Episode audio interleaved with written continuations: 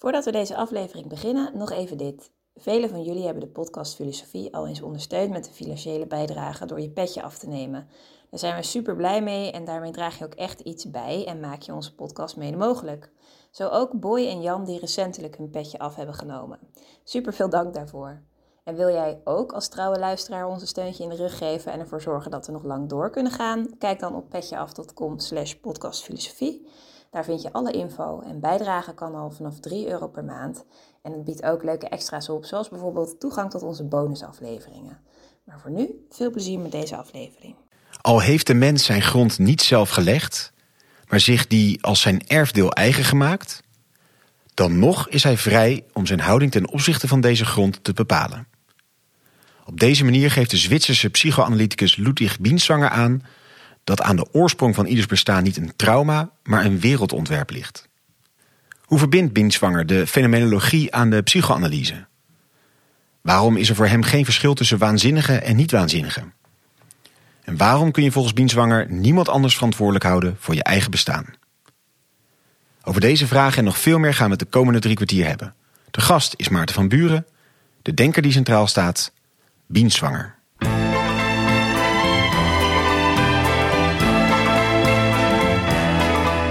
Les docks où le poids et l'ennui me courbent le dos. Dag, goed dat je weer luistert naar een nieuwe aflevering van de podcast Filosofie van het Centre Erasme School voor Filosofie in Frankrijk, Vlaanderen en Nederland. Mijn naam is Allard Amelink en het concept is wel bekend. Een hoofdgast, een presentator en een sidekick. En in ongeveer 45 minuten duiken we in het denken van één filosoof. Naast mij Letitia Hoebe. Hey Allard.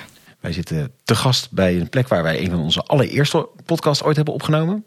Ja, dat klopt ja. Dat is, uh, hoe lang is dat geleden? Ja, bijna drie jaar. Ja. Misschien wel ongeveer nu, ongeveer drie jaar geleden van het moment van uh, dit opnemen. Goede grond dus. We hebben toen een podcast over Spinoza opgenomen met Maarten van Buren. Want bij hem zijn we te gast. Emeritus hoogleraar Franse literatuur aan de Universiteit Utrecht. Maarten schreef meerdere werken over Spinoza. Dus daarom spraken we hem toen ooit uh, ja, drie seizoenen terug over Spinoza.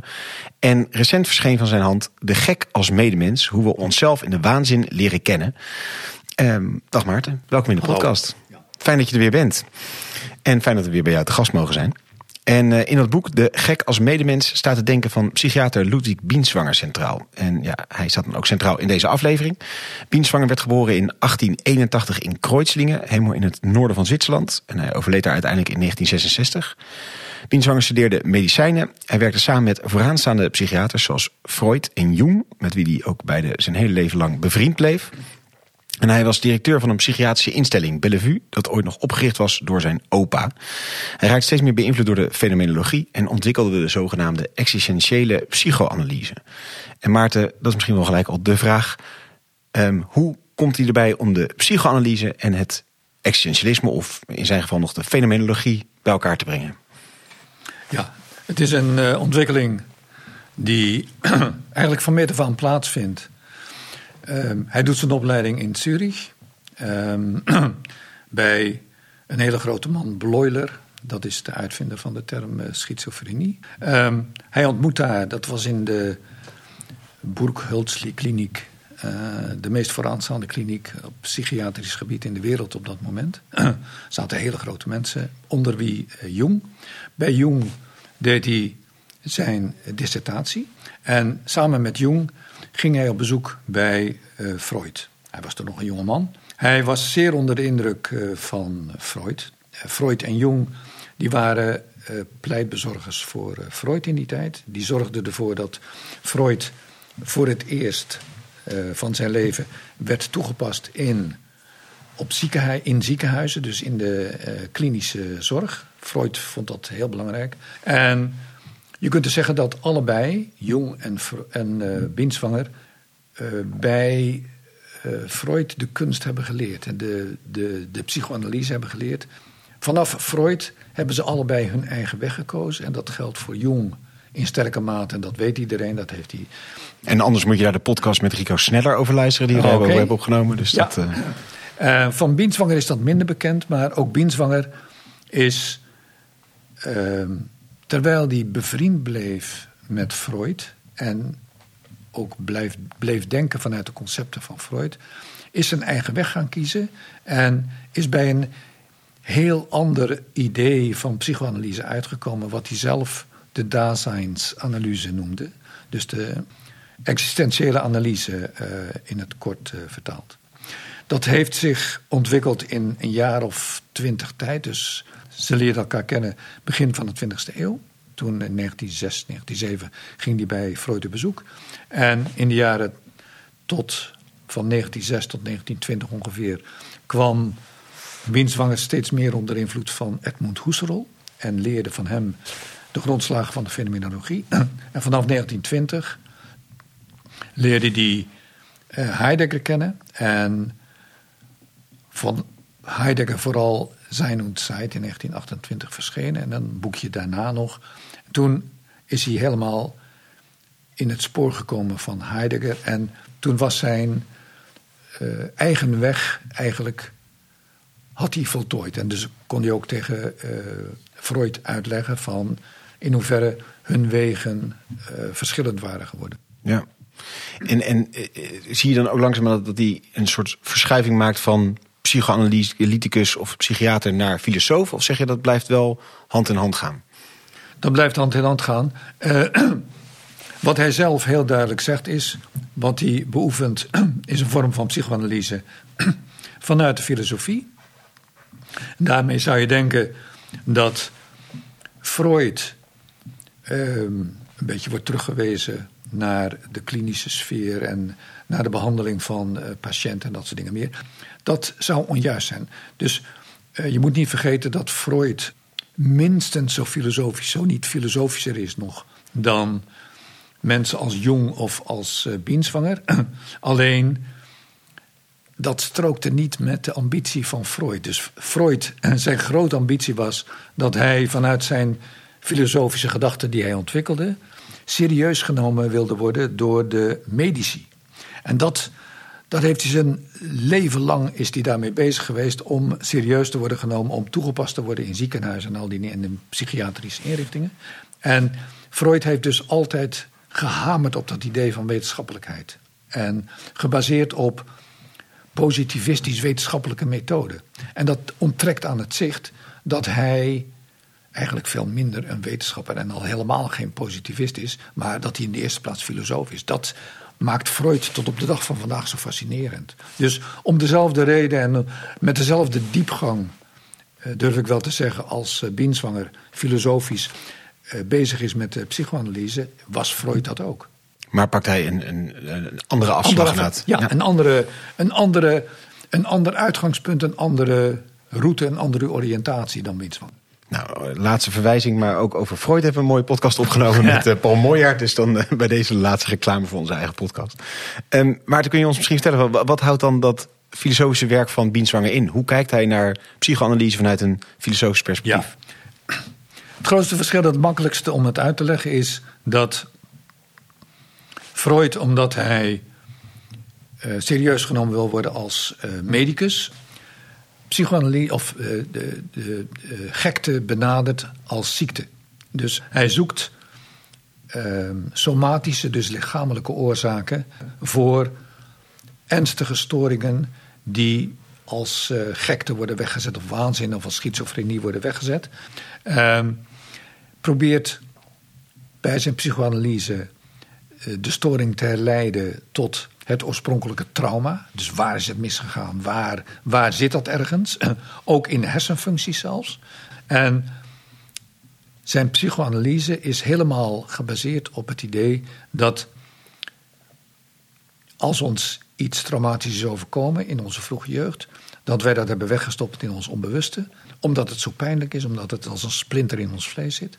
En dat wij alleen genezen kunnen worden als we aan de hand van een intensieve psychoanalyse, dus uh, vele gesprekken gedurende soms vele jaren, uiteindelijk de patiënt bij het punt kan brengen waar dat oorspronkelijke trauma zit. En dat je de patiënt, doordat je hem laat aan de praat brengt over dat traumatische incident, dat je die splinter als het ware uit zijn vlees laat praten. Dus de praatkuur van Freud bestaat eruit dat je het oorspronkelijke trauma uit je vlees trekt. En dan is de redenering van Freud, dan ben je genezen. En er zijn voldoende uh, therapieën van Freud bekend waaruit dat ook blijkt.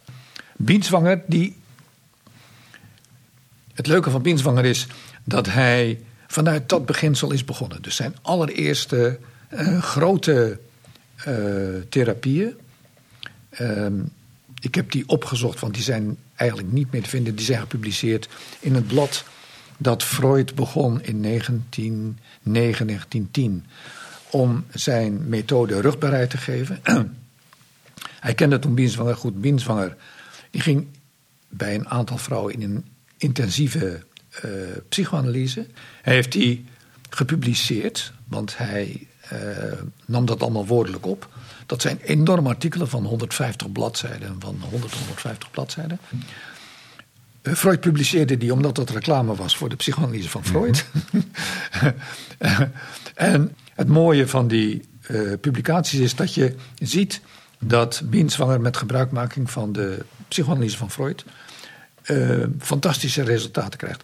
Maar in die artikelen zie je al dat hij bepaalde afstand gaat nemen tot voorschriften die Freud geeft. En die uh, afstand, het leuke van één van die artikelen, het geval Gerda, heel groot artikel, 150 bladzijden, dat is dat hij op dat geval Gerda terug blijft komen in de in de loop van de jaren. En na twintig jaar in een artikel gewijd aan Freud. Dat geval herneemt van Gerda en zegt van...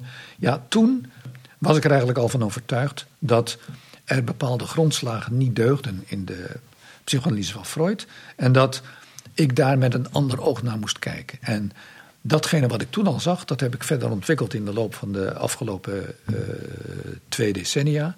En dat heeft geleid tot mijn daseinsanalyse van nu.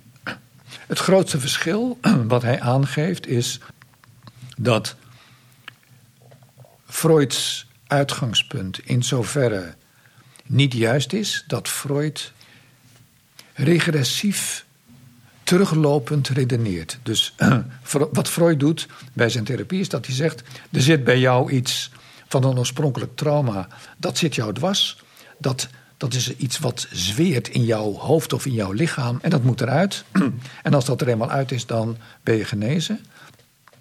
Om dat te bereiken, moeten wij met veel moeite terug in jouw geschiedenis en door alle weerstanden heen die je hebt opgebouwd om daarbij te komen. We moeten de, de, de trui helemaal afpellen, het draadje, en helemaal tot, het, tot de essentie ja. terugkeren. En ik zie wel ogenblikkelijk waar het punt zit maar het heeft helemaal geen zin dat ik dat jou zeg, want dan genees je niet.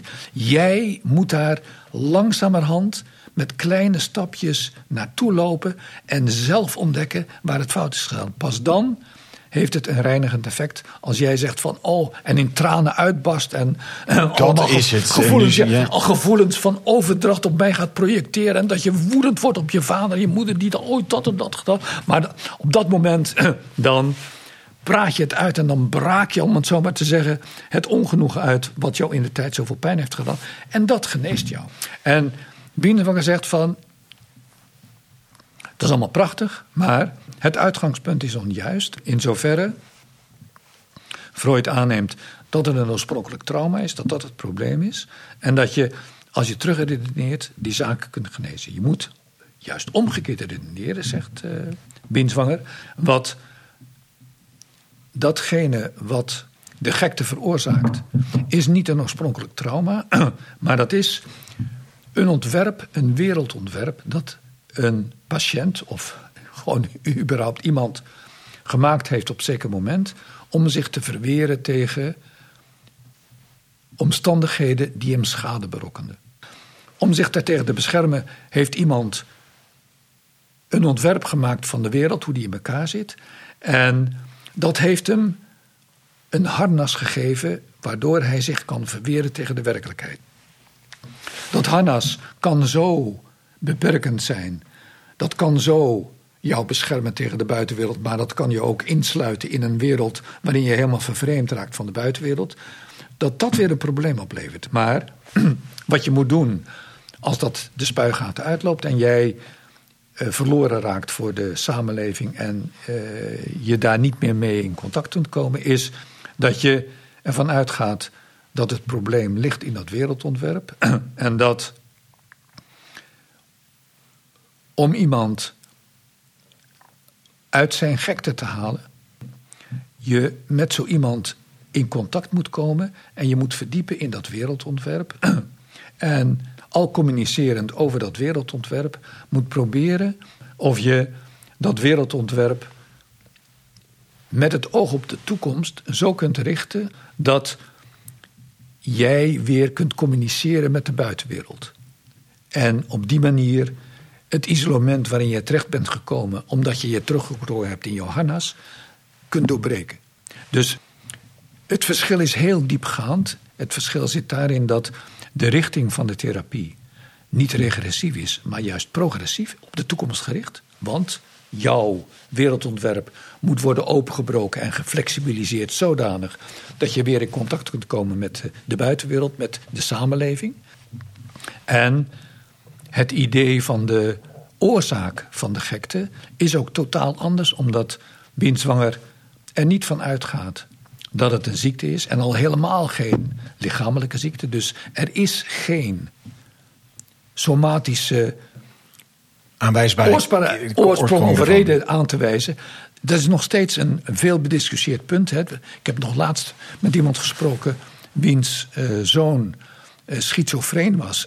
en die mij ervan overtuigde dat de oorzaken daarvan voor een deel, uh, voor een belangrijk deel, te wijten waren aan somatische dingen die fout waren gegaan in de bedrading van de neuro. Volgens Bienswanger en zijn hele richting is dat eenvoudig niet zo. En is er dus, er is geen lichamelijk verschil tussen jou en een schizofreen.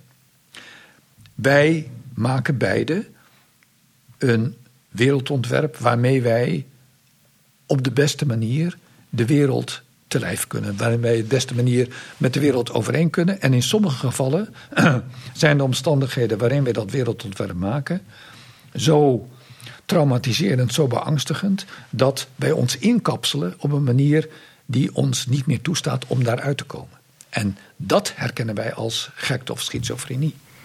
En, en, en, dat is dus ook het fenomenologische, denk ik. Een fenomenologische benadering, namelijk nadruk op de, de ja, de geschetste, het geschetste wereldbeeld of de, de leefomgeving waarin je ja. vastzit. Ja, fenomenologie. Het heeft mij een hele tijd gekost om die link in alle helderheid te zien. Want als je gaat verdiepen in de link binswanger fenomenologie. En je vraagt je af wat fenomenologie is. En gaat uh, Husserl lezen en Heidegger lezen. Dan uh, duurt het een hele tijd voordat je ziet waar de link zit. En de link die zit eigenlijk in een heel fundamenteel begrip waar de fenomenologie van uitgaat. En dat is het begrip intentionaliteit. Ook dat zegt in eerste instantie niks. Maar Laat ik het eerst uitleggen met betrekking tot bewustzijn. Dus bewustzijn, als je het aan mij of jou zou vragen, wat is bewustzijn? Dan stel je daarbij iets voor als het bewustzijn van een buitenwereld. En onwillekeurig denk je dan aan bewustzijn als een soort spiegel waarop alles informatie van de buitenwereld bij ons binnenkomt en wij ons daar een beeld van vormen. Oké? Dus dat is het traditionele beeld van bewustzijn. Dat is een spiegel waarin wij alles opvangen wat ons van de buitenwereld eh, wordt toegestuurd via onze zintuigen.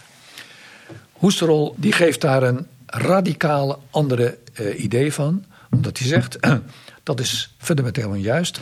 Bewustzijn ontstaat pas op het moment dat wij ons denkend naar buiten werpen in de richting van iets wat wij beogen, om welke reden dan ook. Bijvoorbeeld, je wordt je wat bewust van iets.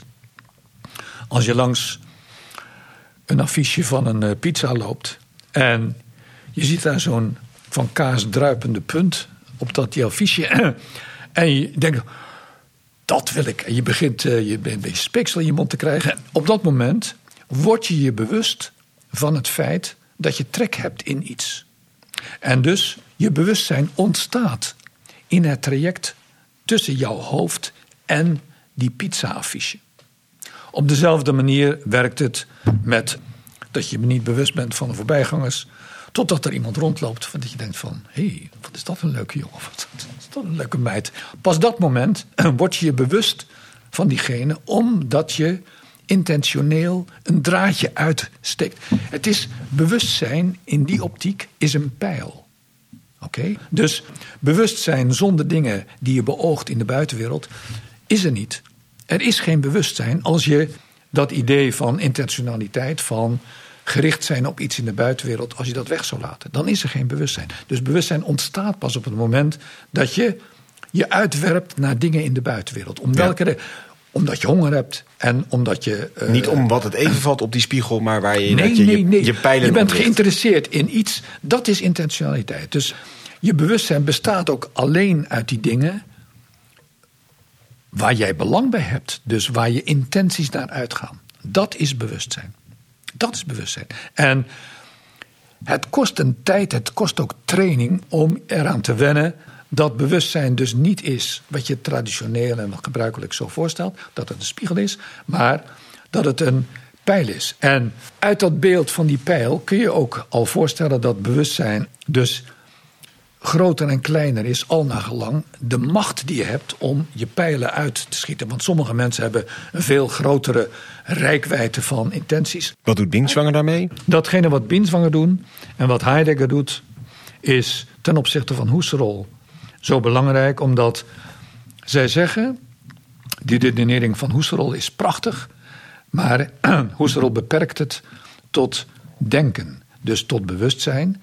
En het geniale van zijn gedachten zit hem er juist in dat die intentionaliteit ook geldt voor het zijn. Dus in de zware zin van ontologie. Wat zijn wij eigenlijk? Dus wat ben ik eigenlijk? Daar moet je dezelfde vraag over stellen en op dezelfde manier als dat je dat doet voor het bewustzijn. Wij zijn alleen maar in de mate waarin wij ons intentioneel uit onszelf werpen. Dit zegt Bienswanger. Dat zegt Bienswanger, Ja. dat zegt Bienswanger in navolging van Heidegger. Want Heidegger is degene die die ontologische stap maakt. En ook Sartre doet dat eh, bij L'être Gélignant, wanneer die.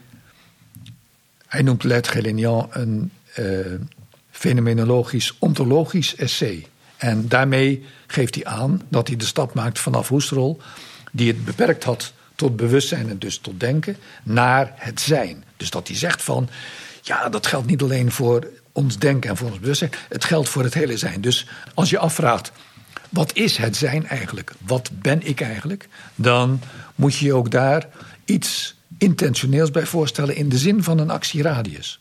En dus ook voor het zijn geldt dat wij, we zijn niet, het is niet to be or not to be, het is eh, de Hamlet-vraag, maar wij zijn in de mate waarin wij meer of minder macht hebben om ons uit onszelf te. te- En dat komt ook wel overeen met de indruk die wij van onszelf hebben. Dus als je ouder wordt en krikkemikkig wordt, dan wordt je actieradius steeds een beetje kleiner. Terwijl in de kracht van je leven, jullie bijvoorbeeld, je hebt, kijk, je kunt, hè, dus kom maar op. Eh, je kunt je doel net zo ver stellen bijna als je dat zelf wilt. Je kunt een actieradius ontwikkelen van zijn die veel uitgebreider is dan van je ouders of grootouders bijvoorbeeld. Zie, dat is de diepgang van die gedachte. En het kenmerkende van Binswanger is nu dat hij die redenering ontdekt met alle implicaties van dien in de loop van de jaren 10, 1910, 1920 en dat gaat toepassen op niet alleen het idee van zijn, maar ook van het mislukte zijn van de schizofrenie. Kan je iets zeggen over ehm, eh, hoe dit eh, inderdaad vorm krijgt in. ehm, ja, we hadden het net over het geval Gerda, maar over Ja. andere eh, patiënten die hij, Ja, ja, ja, ja, die ja. hij had. Ja, de, de, de grote uitdaging is ehm, voor Bienswanger, als hij dat idee eenmaal ontwikkeld heeft, om aan te geven, niet alleen dat hij het idee overneemt dat het zijn intentioneel is, dat, het- een actieradius is, maar dat ook schizofrenie en waanzin een vorm van zijn is die niet wezenlijk verschilt van onze vorm van zijn. Dus ook de gek, de meest gekke gek, de schizofrenie die opgesloten zit, die heeft een actieradius. Hij noemt dat een wereldontwerp. Dus het wereldontwerp moet je zien als een manier waarop jij je vleugels uitspreidt en je intenties uh, uitstrekt. Waarin je je in de wereld werpt. Dus al die termen van geworpen zijn en jezelf uitwerpen. In de dat, komt, dat heeft allemaal met die intentionaliteit te maken. De redenering van Binswanger is dat gekken, waanzinnigen, dat op dezelfde manier doen als wij. Alleen dat er iets gaat haperen op een ernstige manier in de relatie die zij aangaan met de buitenwereld. En die ontstaat door een bepaalde gebeurtenis. Of dat, dat is een. Ja, en dus de, reden, de reden en de manier waarop dat ontstaat, dat is weer een heel ander probleem. Uh, waarop je wordt via Bienswanger, maar ook via anderen die in diezelfde richting die dazijnsanalyse hebben uh, ontwikkeld, Denk Ronald Lane van de antipsychiatrie. Uh, voor mij, Harold Searles is een hele grote naam die boven is gaan drijven. sinds ik dat onderzoek in de richting van Binsvanger ben gaan doen. Via die mensen die uit de praktijk voorbeelden aandragen van zwaar schizofrene patiënten. en die die behandelen volgens die methode van die dazijnsanalyse.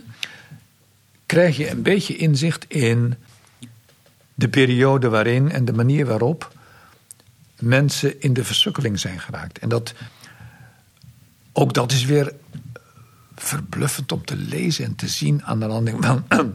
Margaret Mahler is een andere grote naam in Amerika die daar onderzoek naar gedaan heeft. En die aangeven met vertamelijk uitgewerkte modellen dat de allereerste prille maanden en eerste twee, drie jaar hoogstens van het menselijk leven, dat die bepalend zijn voor het vastleggen bij een heel pril kind van dat levensontwerp. En dus ook van waar het fout kan gaan. Dus als er ergens fout gaat. Dus bij onderzoek naar zwaar schizofrene patiënten komen alle onderzoekers, ook, uh, er zijn ook Franse onderzoeken waar ik veel aan gehad heb voor inzicht, komen allemaal uit bij het eerste jaar. Het eerste jaar van een, uh, van een kind. En dat daar met name in het contact met de moeder iets fout gaat. Iets ernstig fout gaat. En dat kan zowel zijn in de zin van. Heel grofweg gezegd, het kan, het kan een heleboel redenen hebben. Maar de meest kenmerkende vormen, dat zijn iets van verwerping. Dus dat een moeder een kind niet accepteert, om welke reden dan ook. Of juist het tegenovergestelde, hm. dat de moeder het kind helemaal aan zich bindt en geen ruimte geeft om zich buiten die moeder bindingen aan te gaan. En, en ieder mens heeft dus een levensontwerp. Ja. Alleen als het in deze mate, in het hele vroege stadium, de, je, je, een tik krijgt, zeg maar, dan gaat dat levensontwerp een, een verwrongen ja. samenstelling krijgen. En zeg maar, de logica daarin is dat en dus in het hele prille leven van zo'n totaal ontvankelijk uh, kind iets misgaat, waardoor dat kind zich alleen maar in het bestaan staande kan houden door een vorm van levensontwerp te kiezen die, die hem wapent tegen dat gevaar dat hem, uh, je kunt bijna niet zeggen van buitenaf maar eigenlijk van binnenaf, want het, het, het omvat zijn hele wereld. Dus het enige wat een klein kind kan doen van die leeftijd is een bepaalde attitude aannemen ten opzichte van de buitenwereld. Dat wil zeggen in eerste plaats tegenover moeder, later tegen de combinatie moeder-vader. En van daaruit de banden die een kind aangaat met de buitenwereld in, in algemeenheid. Dat een kind, als het fout gaat in dat uh, vroege stadium, daar een soort wereldontwerp voor kiest, dat hem, dat hem wapent. Ik heb net het uh, idee van een harnas genoemd, maar hoe bedreigender dat uh, die oorspronkelijke situatie is, des te meer klemt een kind zich in. Of als het tegenovergestelde het geval is dat een moeder zich helemaal identificeert met een kind, dat je een symbiotische situatie krijgt, hè, zoals men dat tegenwoordig noemt, dan dat het tegenovergestelde maar soortgelijke probleem ontstaat, dat een kind niet meer in staat is om relaties aan te gaan met de buitenwereld en zich dus staande te houden in een buitenwereld waarmee je noodzakelijkerwijs relaties moet ondergaan. Ehm, nou, dat, dat is dan dus geen eh, trauma wat in dat kind gelegen is, maar dat is, het heeft dan dus te maken met dat wereldontwerp, Ja. wat vertekend, vertekend is. Ja. Maar ehm, als je daar dus iets aan wil gaan doen, dan moet je wel een idee hebben over wat een normaal wereldbeeld is. Ja.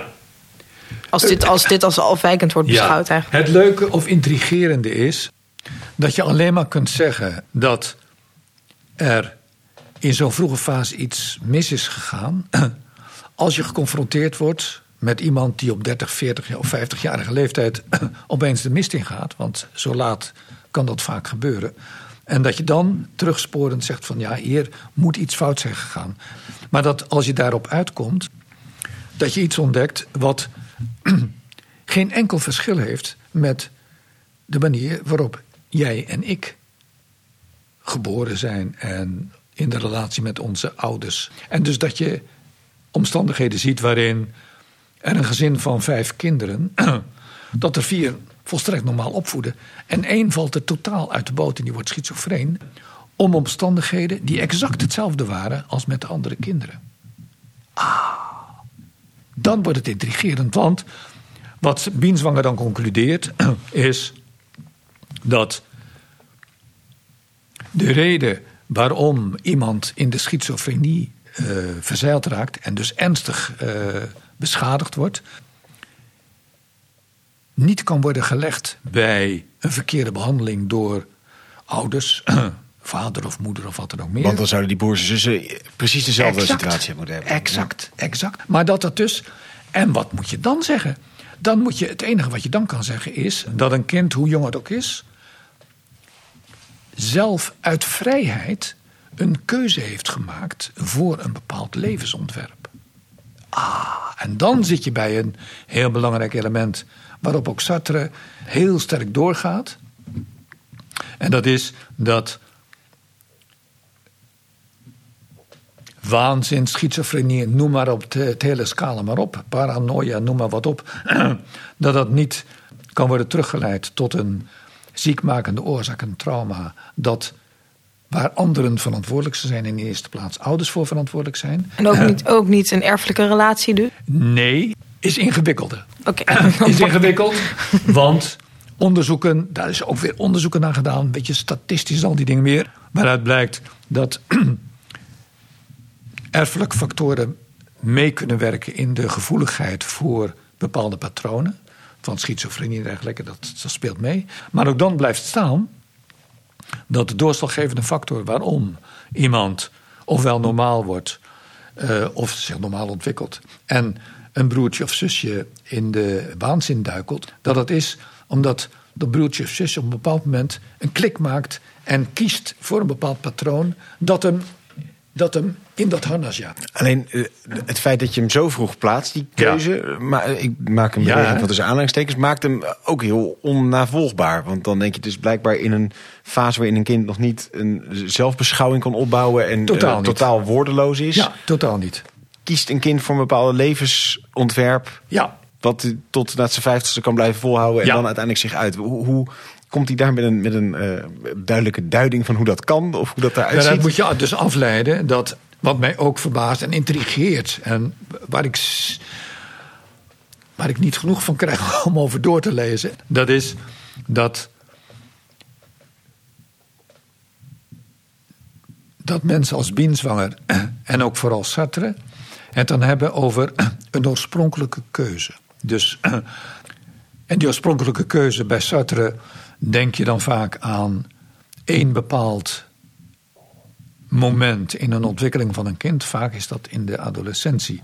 Waarin een kind, kind definitief kiest voor een bepaald patroon. Waarmee hij de rest van zijn relaties eh, eh, aangaat in zijn leven. Mensen als Bienswanger en Harold Seus en Margaret Mahler... die sporen dat moment van keuze veel verder terug... naar eerste twee, drie jaar van het eh, menselijk bestaan. En dan moet je dus dat moment van oorspronkelijke keuze begrijpen als een keuze voor een verhouding tot de instanties waar je dan mee samenleeft, waarmee je eigenlijk één geheel bent. Dat wil zeggen je moeder en je vader. Je moeder in eerste instantie. En dat de houding die je ten opzichte van je moeder bepaalt, ofwel een overdreven identificatie kan zijn, en dat leidt dan tot die symbiose-achtige dingen, ofwel een ervaring van vervreemding, van verstoting, van wat er ook meer, die maakt dat iemand zich als een, als een parel Ja. inkapselt. Weet je? Dus dat er iemand eh, en dan binnen die parel beveiligd is, maar ook onbereikbaar meer is voor de werkelijkheid. Dus dat, dat wereldontwerp gaat terug tot momenten van keuzes en dus van vrijheid. En die oorspronkelijke keuze die mij zeer intrigeert. Want ik ga dan ook de vraag stellen van God, hoe zit dat bij mij? Wanneer heb ik waar? Ik, ik heb blijkbaar ook, ik heb heel duidelijke patronen waarmee ik mensen, hoewel ik dat zelf niet zo goed kan bekijken. Anderen om me heen kunnen dat veel beter bekijken. Het is veel scherper. Maar waar hebben de beslissende momenten? En op het moment dat je dat af gaat vragen. Je weet het ook, hè? Je, dat soort dingen weet je intuïtief. Maar bienswanger plaatst hem op een plek in de tijd waar Ja. je het niet van kan weten. Eh, dat is gevarieerd. Dus de psychoanalytici, met name de Amerikanen, Harold Searles en eh, Margaret Mather, die sporen het terug tot die eerste levensjaren. Daar, dat is het allereerste. Sartre en consorten en ook Bienswanger, die wijzen erop dat zo'n eerste keuze wel in het algemeen bepaalt van hoe jouw houding ten opzichte van de wereld buiten je eh, wordt bepaald, maar dat beslissende invullingen ook later kunnen worden Het is genomen. niet in dat opzicht één keuze, maar het is... Nee. Ja. En ook dan moet ik me weer afvragen van hoe zit het dan precies? En dan de voorstelling die je dan krijgt en die daar het beste mee beantwoordt is op heel jonge leeftijd. ehm, je sorteert voor een bepaalde weg die je kiest. Daar kom je niet meer vanaf van die weg. Wat je wel kunt doen in latere fasen, met name in je adolescentie, is dat je dan voor een volgend kruispunt kunt. En dat je komt en dat je dan links of rechter moet. En dan ga je linksaf. En ook dan is er geen terug meer. Ja. Maar dan krijg je nog weer volgende keuzes en, enzovoort, enzovoort, enzovoort. Dus die, keu die keuzemogelijkheid die, die herhaalt zich. Of, Nou, die, die specificeert zich.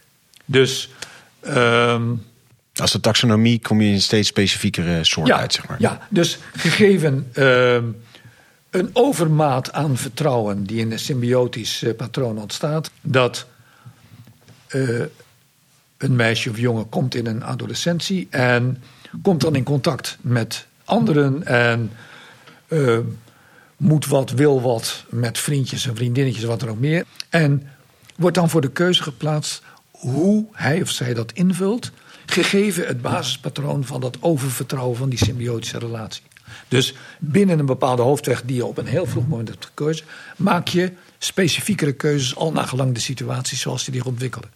ja, en, da- en daarin zit dan het, eigenlijk het progressieve of het vooruitgericht in tegenstelling tot het regressieve Juist. traumabehandeling. En, eh, Juist, ja. juist, juist. En daar zit ook het idee achter dat aan de oorsprong van dat alles eh, liggen keuzemomenten over het hoe en waarom je eigenlijk niks kunt zeggen, want je hebt de, eh, de, de standaard vergelijkingen met de broertjes en zusjes in één gezin, die allemaal andere wegen uit zijn gegaan op grond van dezelfde eh, oorspronkelijke voorwaarden. En dus heeft het net zo weinig zin om bij die ene broer waar het fout is gegaan te gaan zoeken naar het traumatische moment waarop die ouders iets verkeerd zouden hebben gedaan. Want die ouders hebben precies hetzelfde gedaan bij alle broertjes en zusjes. En dus moet je op een andere manier kijken naar de patronen van al die broertjes en zusjes en daarvan zeggen: het zijn allemaal wereldontwerpen. En als het bij één zich zo heeft ontwikkeld dat hij zich eh, in een hoek heeft geverfd en daar niet meer uit kan komen, dan het enige wat je kan doen is proberen met zo iemand aan de praat te komen en dat patroon zodanig, de flexibiliteit van dat patroon zodanig te verkennen dat je daar wel uit kunt breken. En op basis van dat patroon, je hoeft dat niet eh, te veranderen, dat kan überhaupt niet, maar op basis van datzelfde patroon ehm, je te reïntegreren. Dat is het enige, eh, de, de, dat is denk ik de goede term.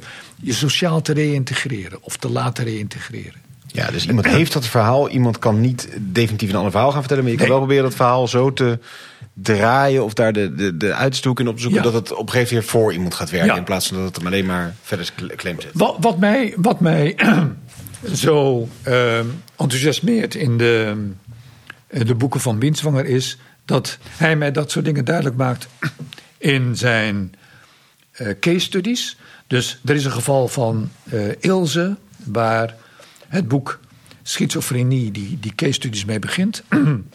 Ilse, die duikelt in de schizofrenie op haar 43ste, dan heeft ze al een gezin en heeft kinderen. Dus functioneert normaal. Dus een hele intelligente vrouw, gecultiveerde vrouw. Ze duikelt in de schizofrenie naar aanleiding van een incident, heftig incident, dat zich voordoet met haar vader. Ze is opgevoed in een gezin met een terroristische vader, om het zo maar te zeggen, een heel, eh, eh, die haar moeder terroriseerde. Ehm, het blijkt achteraf dat Ilse als enig kind door haar vader en vooral door haar moeder als een soort van therapeut werd beschouwd. Dus, dus de moeder zocht haar heul bij Ilse. Van, eh, zocht bescherming, steun bij Ilse. En Ilse, omdat Ilse ook de oogappel was van haar vader, kwam in een go-between positie zitten. Als een soort van onderaard. Dus zonder dat dat werd natuurlijk gezegd. Maar ze werd eigenlijk in de rol van een therapeut geduwd. Ook nadat zij uit dat gezin was gegaan. eh, en zelf een gezin was begonnen. Heeft ze zich daarvan niet kunnen losmaken. Dus haar moeder bleef bij haar over de vloer komen. En bleef haar beklag doen over de mishandeling door die vader. En ze bleef dat met zich meedragen. Tot het moment waarop dat onverdraaglijk werd. Het was eh 243. En dat ze dacht van ja, maar nu moet het afgelopen zijn. Nu ga ik een daad stellen. En wat ze toen deed, verbluffend, was van, dat ze dacht van... ik zal mijn vader nu in één keer laten zien hoeveel ik van hem houd. En door dat blijk van hoeveel ik van hem houd... ga ik hem dwingen, omdat ik ook weet dat hij van mij houdt... om zijn gedrag ten opzichte van moeder te veranderen. En wat ze toen deed was, vader kwam op bezoek en zei van... Ze was in de keuken, deed de oven open en legde haar tot in de vorm in de oven. Totdat dat ding derde graad verbrand was. En toen haalde ze hem eruit en zei van, kijk, zoveel, zoveel hou ik van je. Zoveel hou ik van je. En die vader was verbluft. En de eerste week... Ja. Ja, het is verbijsterend. Ehm, de eerste weken, eerste maanden, ehm, gedroeg hij zich veel behoorlijker naar haar moeder toe. maar dat was natuurlijk binnen de kortste keren weer eh, bij het oude patroon terug. En toen merkte Ilse dat haar ultieme daad, waardoor ze dacht van nu moet ik in één keer, nu ga ik het in één keer oplossen, dat het niet werkte. En toen verdween ze in de, in de waanzin.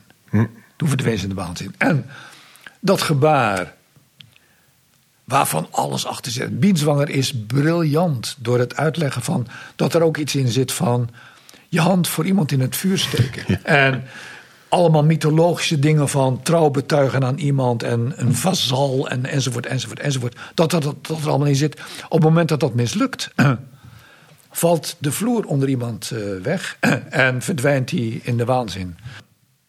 En, en, en wat zegt Bienswanger volgens? Hoe, hoe kom je hier dus net vooruit? Hoe maak je Ja. het nou een progressieve behandeling Right. in plaats van die regressieve Right. behandeling? Komt in de eh, kliniek bij. Eh Binswanger die gaat met haar praten, die laat haar ook schrijven. En het Met die verbrande hand. Maar... Ja, ehm, ehm, hij laat haar schrijven. Hij laat haar uitschrijven van wat allemaal de oorsprong is en wat er allemaal mee te maken heeft. En, en komt zo in vrij korte tijd achter het hele complex waarvan die verbrande arm het gevolg is.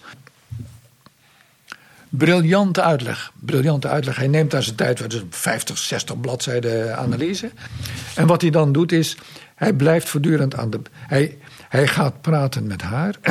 En hij, hij begrijpt dat het waar zij aan te grond is gegaan, is dat zij zich heeft laten manoeuvreren in de rol van eh, therapeut. En daar zich niet heeft van kunnen losmaken, ook niet in haar volwassen leven.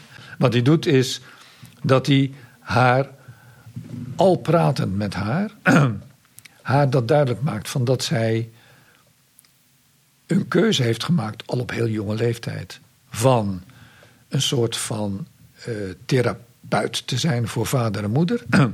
dat ze dus die rol van het in het leven op zich heeft genomen. Dat er ook niks meer aan te veranderen is. Hè, van dat is zij eenvoudigweg. Hè, dus dat, dat van losmaken. Maar dat de oplossing voor haar erin zit. Dat zij dat in andere omstandigheden ten nutte kan maken. Dus waar hij, hij, hij helpt haar. Het is een intelligente vrouw.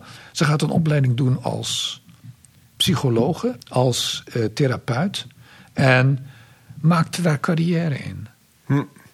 En, kijk, snap je? En, omdenken. Ja, en re reïntegreert zich dus in de samenleving door gebruik te maken van datgene wat haar eerst op de knieën heeft gedwongen. Dit, is, Kijk, dit, is, is mooi. Ja, dit is een heel mooie vooruitbeweging. Wat ik wel het gevoel van die keuze. Het, is, het heeft het risico dat je iemand wel ook meer um, dader van zijn eigen ellende maakt. Dus dat je zegt, ja, jij hebt hier ooit een oorspronkelijke keuze voor gemaakt. Ja. Je, bent iets meer slachtoffer. Je zegt, ja, ik heb nu eenmaal deze genen of deze omstandigheden of dit trauma. Iemand wordt ook wel iets meer op een vroege leeftijd tot actor gemaakt. Ja, ja nou, tot actor gemaakt. je wordt gewezen op de verantwoordelijkheid die je hebt voor je eigen leven. En dat je dus nooit en te nimmer kunt zeggen: Ja, ik ben nou helemaal zo geworden omdat mijn ouders en. Uh, mijn, ik had een vader die was verslaafd en ik ben misbruikt door mijn moeder. En dat heeft gemaakt dat ik nooit. In, nooit, never, niet. Maar is, is dat niet soms ook onbarmhartig daarmee? Misschien, maar kijk, de hele redenering van existentialisme, wat mij zeer aanspreekt in existentialisme, überhaupt, dus zowel bij Sartre als bij Heidegger als bij uh, Binswanger, dat is dat als je eenmaal meedenkt in dat idee van dat jouw leven wordt bepaald door een wereldontwerp dat jij zelf hebt gekozen, waar je dus zelf verantwoordelijk voor bent, dat je dan ook op de verantwoordelijkheid wordt gewezen van je eigen leven. En dus ook doordrongen wordt van het feit dat als er iets misgaat in je leven, dat je er zelf aan moet gaan staan. En dat je dus ook uit eigen beweging beter tot de conclusie gekomen van wat een therapeut je anders in een paar jaar tijd duidelijk probeert te maken. Want ook een therapeut, als je daar met moeilijkheden naartoe gaat, wat doet die? Die zal jou in een aantal jaren tijd proberen duidelijk te maken dat jij aan jezelf aan de slag moet gaan en dat hij dat niet voor jou kan doen of zij dat niet voor jou kan doen. Je kan niet veranderen, je kan alleen je eigen Nee, je kan alleen jezelf. En datgene wat hij met heel veel moeite doet is jou langzamerhand naar dat punt terugbrengen waar het fout is gegaan. En jou de brokken weer op laten pakken en jou die dingen laten lijmen. Want hij kan het niet voor je doen. Binswanger zegt dat van meet af aan. En, en, als je dan kijkt, je zegt dit gaat over waanzinnig. En hij heft ook die grens tussen de waanzinnige en niet waanzinnige op. Ja. Door te zeggen, iedereen heeft een, een, een levensontwerp. Ja. Wat, zijn de belangrijkste lessen voor nou, wij laten ons drieën even een beetje plaatsen aan, uh, en de luisteraar aan de, de, de niet nu momenteel in waanzin verkerende personen. Ja. Wat, wat zijn dan de belangrijkste eh, filosofische lessen die we in de ja. opzicht uit halen? Een heel belangrijke lijkt mij dat als er geen verschillen zijn, geen wezenlijke verschillen zijn, geen echte verschillen zijn tussen de wereldontwerpen van een waanzinnige en die van eh, ons, van jou en van mij, dat wij dan ook ons eigen wereldontwerp niet moeten beschouwen als het toonbeeld van normaliteit, maar dat we dat leren inzien als een tamelijk kwetsbaar compromis tussen uh, uh, manieren waarop wij met de werkelijkheid en met de andere mensen uh, kunnen omgaan. En dat dat soms net zo kwetsbaar is of als dat van neurotici of van schizofrene of waanzinnigen. Want ook die functioneren lange tijd als normale mensen. Tot het moment waarop er iets misgaat, waardoor er iets kristalliseert wat er altijd al was, omdat het in hun uh, oorspronkelijk ontwerp zat. En eruit komt dat er een soort diepe discrepantie is tussen hun en de buitenwereld. En ik, misschien ben ik daar des te meer door geïntrigeerd, omdat ik een jaar of tien geleden in de depressie duikelde. En toen de ervaring had van dat er dingen in mij kristalliseerden door externe oorzaken. Die er opeens tegen mij aantikten. Op verschillende manieren tegen me aangetikt. En opeens kristalliseerde er iets wat mij, om het zo maar te zeggen, uit de bezielde verbanden liet vallen. En ik, ik kwam met niks terecht. En ik was nergens meer. Ik, je bent echt nergens meer. En op dat moment valt dus de grens weg tussen mij en een nutcase. Want wat is het verschil tussen een schizofreen en mij op dat moment? Dat is er niet. Dus ik moest in behandeling naar de psychiater toe. En de psychiater zei van... ik raad u sterk aan om u te laten opnemen. En op dat moment denk je van... hé, hey, ehm, ik kom aan de andere grens... aan de andere kant van het uh, gebouw staan opeens. Dus uh, psychiatrische kliniek, daar uh, is de uitnodiging van... Ja, je Wilt u er maar naar binnen gaan? Ja, ja, Wilt u precies. maar, dat lijkt mij het beste. Want anders uh, kan er niet goed voor u gezorgd worden. Maar dan misschien laatste vraag, want dan, dan, je zegt ook bij dit voorbeeld van die Ilse van, dan stort eigenlijk dat uh, wereldontwerp stort in. Maar dan is het dus niet, je zegt dat wereldontwerp nou, zelf nee, klopt nee, niet? Nee, of, nee, of... nee, nee, dat, dat wereldontwerp stort niet in. De bruikbaarheid uh, van dat wereldontwerp, dat wordt op de, op de proef gesteld. En dat blijkt niet bestand te zijn tegen een ultieme proef. Zoals bij mij. Dus uh, blijkbaar heb ik een. Je hebt altijd een, ja, je hebt een, een ontwerp Natuurlijk. gedacht wat altijd gewerkt heeft en op een dag. Fantastisch gewerkt heeft. Weet je, allerlei succes. En hoogleraar geworden en uh, doe maar wat meer. En sport gedaan. En uh, ik, alles. Ik kan alles. tot het moment uh, waarop er bepaalde dingen gebeuren. Waardoor er twee, drie tikken en de boel barst. En je bent niks. Dat is een heel leerzame ervaring. En Misschien is een van de redenen waarom ik geïntrigeerd ben in Binswanger en het hele achterland van die datacentersanalyse, dat dat voor iedereen geldt. Dus dat als je die gevallen leest van Ilse en van uh, Gerda. Zo, Gerda en van noem maar wat op.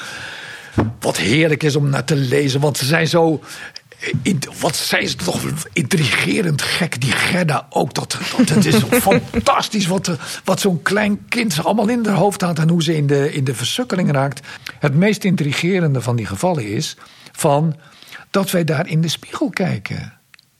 Dat wij het, dat er net zo goed de boel zouden kunnen spiegelen... en naar onszelf zouden kunnen kijken. En de kwetsbaarheid, de breekbaarheid, de broosheid van onze wereldontwerpen zien. En dus dan leren inzien dat het ontwerp waarmee jij leeft en met jij leeft en waarmee ik leef. Ja, het zijn probeersels. Het zijn, je probeert eens wat, je doet eens wat. En je, uh, je denkt van nou, dit gaat allemaal wel goed. uh, maar dat het probeersels zijn en compromissen zijn. En, het, en dat het fout kan gaan. Ja. Dankjewel Maarten. Ja. Bienswanger, uh, existentiële psychoanalyse. Uh, Binswanger begon bij, uh, ja, hij heeft de kunst geleerd van Freud. Met Jung kwam hij met hem in contact. En je ziet zowel Jung als Binswanger gingen daarna, nadat ze Freud een tijd gevolgd hadden, een eigen weg. En bij Binswanger is dat de Daseinsanalyse. En wat hij eigenlijk namelijk doet, is hij ontdekt Husserl en later Heidegger. En hij blijft eigenlijk die twee werelden gaat hij bij elkaar brengen. Hij blijft al die tijd psychiater, maar vanuit de filosofie gaat hij eigenlijk naar die psychoanalyse kijken. En de beste manier om Bienswanger duidelijk te maken, zeg maar, gaat uh, door te kijken naar Freud. En Freud wil graag serieus genomen worden als medicus. En daarom zit hij heel erg te kijken naar de somatische oorzaken achter de waanzin. Hij wil naar een, een, een in die zin uh, hard wetenschappelijke oorsprong proberen aan te wijzen. En bij hem staat dat de oorspronkelijke trauma waar je naar moet zoeken. Dat hebben we weggedrukt. En we moeten eigenlijk naar dat trauma toe. Om dan vervolgens proberen die splinter die dus in ons vlees zit, de doorn die in ons vlees zit, om die eruit te praten. Bienswanger start op hetzelfde punt. Uh, maar pakt een andere route. En um, hij uh, uh, volgt in eerste instantie namelijk de route van Freud. Maar ontdekt dan eigenlijk al in een paar ja, intensieve trajecten die hij doet met een paar vrouwen. dat hij afstand neemt van die voorschriften van Freud. En het geval van Gerda toont dat eigenlijk het, het sterkst aan. dat hij namelijk ontdekt van het terugredeneren naar een oorspronkelijk trauma. Dat werkt niet, zegt hij. Want um, het idee is dat je daar helemaal heen moet. Je helemaal die draad moet afpellen. En dan in allerlei kleine stapjes tot die oorsprong komt. Daar zit die genezing niet. Nee, het is omgekeerd, zegt Bienswanger. Je moet progressief denken. Niet regressief, maar progressief. Omdat namelijk aan de basis ligt een wereldontwerp. Het is niet het trauma wat de basis is, maar het wereldontwerp wat eigenlijk volgt op een initieel trauma. Um, om zich te verweren maakt de mens een wereldontwerp, een soort harnas heeft Maarten het genoemd. En dat harnas dat kan werken, maar dat kan ook beschermend zijn, te beschermend of te knellend. En um, je moet uiteindelijk om de ander te helpen niet proberen terug te keren naar het oorspronkelijke trauma en dat dan op een bepaalde manier op te lossen. Nee, je moet het wereldontwerp van de ander begrijpen. En dan moet je kijken vanuit dat wereldontwerp of je vanaf daar dat harnas kan openbreken. En ja, eigenlijk binnen de kaders die van dat verhaal kloppen, een nieuw pad in te zetten. Dus daarmee is het progressief gericht op een nieuw verhaal vertellen in plaats van regressief, waar je bij Freud ultiem het hele draadje volgt. En dan eigenlijk tot een soort eruptie komt en dan is alles weg omdat je het oorspronkelijke probleem hebt gevonden. En dus zegt hij ook, waanzin en bijvoorbeeld schizofrenie is geen ziekte, maar een wereldontwerp. Nou, goede vraag kwam toen, wat is daar nou fenomenologisch aan? Dat is allereerst dat het over een heel over een intentionaliteit gaat. Bij de fenomenologie is het bewustzijn niet een spiegel waar maar allerlei willekeurig wat voor info op binnenvalt. Nee, zegt Husserl, het uh, bewustzijn is een pijl. Het richt zich op iets en dat waar we ons op richten, dat komt bij ons binnen. Denk aan de pizza die zeer aantrekkelijk is en waar je vervolgens door gaat watertanden en waarvan je vervolgens ontdekt dat je trek had. Of een aantrekkelijk iemand op straat. Het is dus een pijl. En door Heidegger wordt dat breder getrokken naar het hele zijn. Het hele zijn is een intentioneel iets waar we ons dus op richten. En um, Bienswanger zegt dat volgens ook. Wij zijn in de mate waarin wij in staat zijn onszelf naar buiten te werpen naar wat wij beogen. Het gaat dus over, zeg maar, een soort actieradius. En het knap van Bienswanger, hij richt zich daarmee ook op het mislukte zijn. Dus op het zijn waar dat niet in lukt. En uh, waanzin, schizofrenie zijn eigenlijk een vorm van uh, zijn die niet fundamenteel verschilt van ons, zegt hij vervolgens. Want iedereen heeft een wereldontwerp. We zijn uh, alleen bij de een, de waanzinnige, ja, hapert er wat. En bij andere mensen lijkt het tot nu toe dat wereldontwerp altijd gewoon goed door te lopen. Hoe ziet dat er dan uit? Nou, ehm, is een beetje discussie waar zit dat in de tijd. Maar al in je prille maanden, je eerste levensjaar zijn enorm vormend. En daar bouw je zo'n levensontwerp. En grofweg kunnen er twee dingen fout gaan. Je hebt ervaart heel veel verwerping. Of juist een veel te nauwe verbondenheid met over het algemeen je moeder. En de enige manier om je staande te houden in die wereld is een attitude aan te nemen. En in een normale situatie ontstaat daar dus een relatief goed functionerend levensontwerp, wereldontwerp. Um, maar ja, het kan ook dus te veel druk hebben en daarmee een ver, verwrongen wereldontwerp worden. Alleen ontdek je pas vaak dat het niet klopt, dat wereldontwerp, op een latere leeftijd. Nou, het voorbeeld van Ilse, wat Maarten aanhaalde. Ilse was 43 en toen liep het uit de hand. Um, plotseling gaat er dan iets mis. En dan kun je dus afvragen, nou, ligt dat aan een initieel trauma? Nou, dan zouden broers en zussen allemaal dezelfde trauma's moeten hebben. Nee, dat is hier niet zo. Kortom, het zit hem in dat wereldontwerp. Een kind maakt uiteindelijk een keuze voor dat wereldontwerp. En ja, dat is de basis waarop vervolgens dus het goed kan gaan of niet goed kan gaan. Kortom, niemand anders is verantwoordelijk, geen enkele omstandigheden zijn verantwoordelijk. Nee, de mens heeft een oorspronkelijke keuze.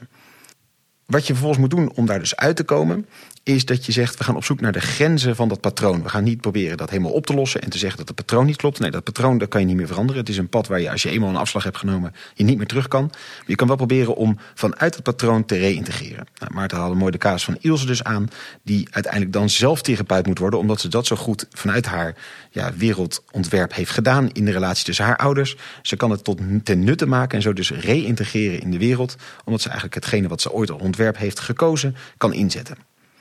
Wat gevolgd is, is dat je radicaal verantwoordelijk bent voor je eigen leven. Je kunt het nergens anders opwerpen. Is dat onbarmhartig? Misschien een beetje. Want als het dus ook misgaat, dan moet je er zelf aan gaan staan. Het goede is ook wel weer, je kunt er dus zelf aan staan, want dat is eigenlijk de belangrijkste les. En dat zegt Maarten ook, lange therapieën kun je volgen. Uiteindelijk gaat een therapeut dat zeggen. Het gaat erom hoe jij tot de omstandigheden verhoudt. En dus heb jij die vrijheid en heb je daar de, ja, de, de, de, de plicht om daarmee om te gaan, omdat het jouw wereldontwerp is waar je iets mee moet. Kortom, er is geen wezenlijk verschil daarmee ook tussen ons wereldontwerp, mijn wereldontwerp, jullie wereldontwerp. Iedereen heeft zijn eigen ontwerp en eigenlijk zijn al die ontwerpen kwetsbaar. Allemaal zouden ze een keer kunnen klappen als de druk te groot wordt. Dan kan er ontstaan dat duidelijk wordt dat dus dat ontwerp al die tijd zeer fragiel was en op een gegeven moment niet meer functioneerde. Dan kun je plotseling dus uit je bezielde verbanden vallen. Kan alles plotseling in duigen vallen. Maar uiteindelijk onderscheidt ons dus daarin niets van de waanzinnige, van de schizofrene, die dat precies hetzelfde heeft. Alleen daar is die klap al een keer plaatsgevonden en dus zijn die mensen, is dat wereldbeeld ja, spaak gelopen.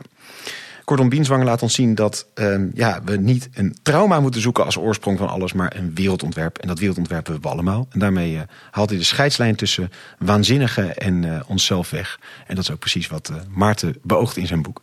Heel veel dank Maarten, heel veel dank Letitia en heel veel dank jij voor het luisteren. En heel graag tot een volgende keer. Vergeet je niet te abonne abonneren, dan blijf je op de hoogte van onze nieuwe afleveringen. Graag tot dan.